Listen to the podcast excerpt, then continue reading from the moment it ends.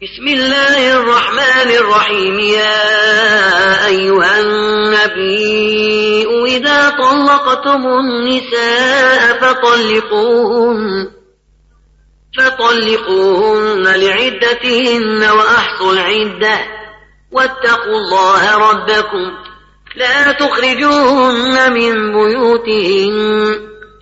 ولا يخرجن إلا أن يأتين بفاحشة مبينة. وتلك حدود الله. ومن يتعد حدود الله فقد ظلم نفسه.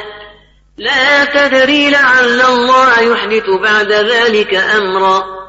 فإذا بلغن أجلهن فامسكوهن بمعروف أو فارقوهن بمعروف. وأشهدوا ذوي عدل منكم وأقيموا الشهادة لله. ذلكم يوعظ به من كان يؤمن بالله واليوم الآخر. ومن يتق الله يجعل له مخرجا ويرزقه من حيث لا يحتسب. ومن يتوكل على الله فهو حسبه. إن الله بالغ أمره. قد جعل الله لكل شيء قدرا. واللائي يئسن من المحيض من نسائكم إن ارتبتم فعدتهن ثلاثة أشهر. فعدتهن ثلاثة أشهر واللائي لم يحضن. وأولاة الأحمال أجلهن يضعن حملهن ومن يتق الله يجعل له من أمره يسرا. ذلك أمر الله أنزله إليكم. ومن يتق الله يكفر عنه سيئاته ويعظم له أجرا. أسكنوهن من حيث سكنتم من وجدكم. ولا تضاروهن لتضيقوا عليهم. وإن كن أولات حمل فأنفقوا عليهن حتى يضعن حملهن فإن أرضعن لكم فآتوهن أجورهن وآتمروا بينكم بمعروف. وإن تعاثرتم فسترضع له أخرى. لينفق ذو سعة من سعته. وما قدر عليه رزقه فلينفق مما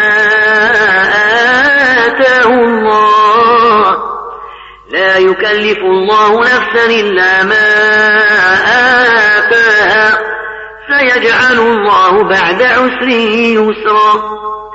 وكأي من قرية عتت عن أمر ربها ورسله فحاسبناها حسابا شديدا وعذبناها عذابا نكرا فذاقت وبال أمرها وكان عاقبة أمرها خسرا أعد الله لهم عذابا شديدا فاتقوا الله يا أولي الألباب الذين آمنوا قد أنزل الله إليكم ذكرا. رسولا يتلو عليكم آيات الله مبينات ليخرج ليخرج الذين آمنوا وعملوا الصالحات من الظلمات إلى النور. ومن يؤمن بالله ويعمل صالحا ندخل جنات تجري من تحتها الأنهار خالدين فيها أبدا. قد أحسن الله له رزقا. الله الذي خلق سبع سماوات ومن الأرض مثلهم.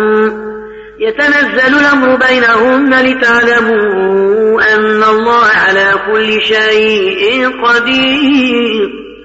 وأن الله قد حاط بكل شيء علما.